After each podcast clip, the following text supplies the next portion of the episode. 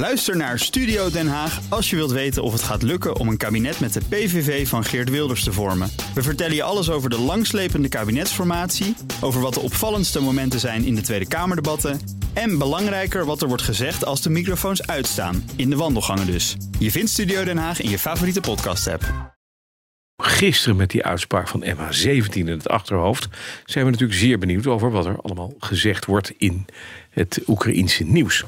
Eh, aanhoudende Russische aanvallen op de energievoorziening in Oekraïne zorgen voor steeds meer problemen. Momenteel zitten er nu 10 miljoen Oekraïners zonder stroom, zegt Zelensky. En het wordt daar koud, dus dat is ook niet mooi. Ja, het heeft al gesneeuwd Ja, deze week. Gisteren werden er weer energievoorziening geraakt door Russische raketbeschietingen. En ons land heeft eh, 800 miljoen militaire steun geleverd. Ja, voor 800 miljoen euro aan militaire steun al aan Oekraïne. Ja. Dat zei eh, Kajsa Ollongren, minister van Defensie, gisteravond in de Tweede Kamer. Nou, als je dat even afzet tegen eh, Amerika bijvoorbeeld, dat heeft al voor ruim 18 miljard dollar geleverd Ja. aan eh, militaire steun. Maar eh, 800 miljoen euro is ook een prachtig bedrag natuurlijk. Hm. Volgens Ollongren zal het kabinet doorgaan met het geven van de hulp aan Oekraïne. En de steun werkt ook, zegt ze. Want de strijdkrachten van Oekraïne, die zie je natuurlijk terrein winnen op de Russen. Ja, nou, we hopen dat uh, Robert Slaver Gert-Jan Haan de laatste twee berichten met eh, twee preien in de oren heeft gevolgd. Want hij probeert zoveel mogelijk het Oekraïense nieuws te nuttigen. Alleen maar via de Oekraïense nieuwsmedia. Gert-Jan, ben je bij ons? Ja, goedemorgen. De prei is eruit, maar het is nog bijna weekend. Dus Dat- ik mag wel een beetje eh, wat meekrijgen, Bas. Ja, ja, je mag een beetje meekrijgen. Eventjes naar die uitspraak gisteren in de rechtszaak rond de MH17-ramp. de rechtbank veroordeelde drie van de vier verdachten tot levenslange gevangenisstraf. De vierde verdachte is, dat is de man die wel werd verdedigd eh, en ook fysiek aanwezig was, is vrijgesproken, Pulatov. Hoe wordt er in Oekraïne gekeken naar de uitspraak van die, eh, eh, van die aanslag met een boekraket op dat vliegtuig?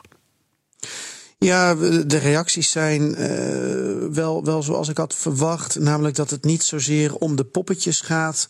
Maar meer omdat die uitspraak eh, van de rechtbank eigenlijk ervoor zorgt dat er in, in de Oekraïnse ogen een einde komt aan wat zij de straffeloosheid van de Russische agressor noemen. En dat het dus belangrijk is voor de berechting van alle ehm, oorlogsmisdaden en alle oorlogsmisdadigers van Rusland. En dat zegt Zelensky, dat zegt premier eh, Schmihal, dat zeggen de woordvoerders van, eh, van Zelensky. Dus wat dat betreft eh, eensgezindheid over, over die opvatting. En dus ja, wel tevredenheid over het besluit van Den Haag. Ja, toch Zelensky, eh, want daar valt nog wel wat op aan te merken op zijn rol in de MH17-zaak, hè, begrijp ik. Ja, dat kwam hier niet heel erg naar voren in de media deze week. Maar in, in 2019, toen hij net president was geworden, ik herinner me dat toen een gevangenenruil was eh, tussen Oekraïne en Rusland. Toen was Zelensky nog wel actief bezig met een, een, een wat meer pro-Rusland politiek. Kijken of, of er dingen konden worden geregeld. En toen was er een gevangenenruil. En toen was daar MH17 getuige eh, meneer Tsemach. En die werd dus vanuit Oekraïne eh, richting eh, Rusland geruild voor allerlei Oekraïners. Nou, in Oekraïne waren ze blij met de mensen die terugkwamen. Maar eh, alle mensen die bezig waren met het dossier MH17 waren niet zo blij met dat die getuige nu was gevlogen. Dus dat is iets dat, dat, dat hier deze week geen aandacht kreeg. Maar ja, wat, wat, wat ik me nog wel herinner en wat nog wel een smetje is hoor. Zeker. Dan volg je deze week, we het al even, zoveel mogelijk het Oekraïense nieuws. Alle belangrijke dossiers al een keer langsgekomen in het, eh, in het nieuws?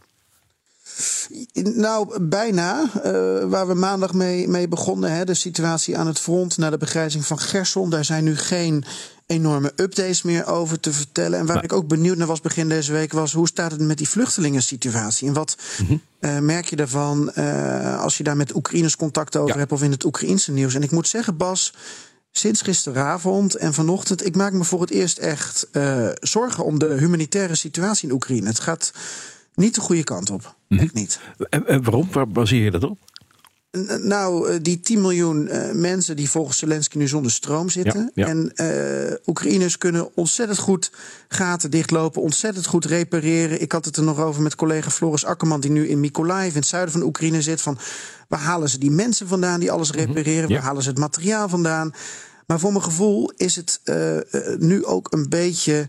Hoe zeg je dat? Water naar de zee brengen. Ja. En dat komt door die 10 miljoen. Dat komt ook door berichten uit het westen van Oekraïne. Daar is een grote stad, Ivano-Frankivsk. Dat is 220.000 inwoners. Wat is dat? Almere, Tilburg in Ja, Nederland. zoiets, Haarlem plus. En, ja, ja, ja. Ja, en, en die burgemeester die, die, die zegt: alle mensen die in appartementen wonen, die moeten weg. Alle mensen die niet ehm, eh, op de begane grond wonen of geen eigen huis hebben, die moeten ergens anders naartoe. Want wij, heb, wij kunnen geen verwarming meer regelen. We kunnen ook uh, het licht niet meer regelen. Ja. Um, als je dat uh, gaat optellen, dat is in het westen van Oekraïne. Als je alle hoogbouw in Oekraïne gaat meenemen, alle mensen die niet op de begane grond wonen, waar je geen garanties meer voor hebt. Heel veel mensen. Dat is nogal wat. Ja, ja. Um, mm -hmm. Dit is wel een pittige voorbode, ook omdat ik hoor dat in die frontsteden, uh, die wij ook wel eens uh, noemen in onze updates, Bakhmut en zo, ja. en andere plekken die nog wel in Oekraïns um, bezit zijn, om het zo te noemen. Daar is helemaal geen gas, water, licht meer. En daar hebben de mensen ook gezegd: het is onmogelijk om het deze winter nog te repareren. Dus die mensen die daar zijn achtergebleven, um, die, die zijn ook aan de, aan de goden overgeleverd. Dus het begint zo langzamerhand.